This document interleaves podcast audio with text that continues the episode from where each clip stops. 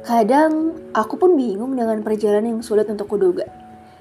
Katanya, hidup itu tidak serumit seperti si kepala. Tapi manusia yang buat serumit itu. Banyak hal yang tidak terduga yang akan terjadi. Sesederhana perihal hati. Seperti suatu waktu ada manusia yang menangkan hatiku tanpa melakukan apa-apa serta aba-aba dari diriku sendiri. Bukankah menjadi diri sendiri tidak sedikit orang yang tertarik? Hmm, ya, terutama aku terhadapnya.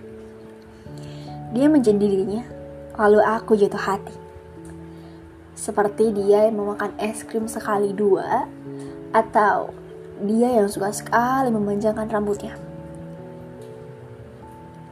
dan bertingkah seperti anak kecil yang ingin minta telur gulung. Dan di waktu yang lain, aku memenangkan hati seseorang tanpa usaha.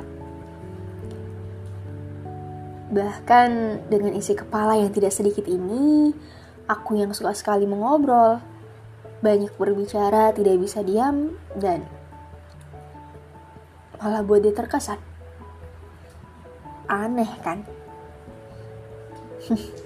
Ternyata benar ya. Hidup bukan hanya perihal bernapas lega. Tetapi tentang sekumpulan hal yang tidak pernah kita tahu.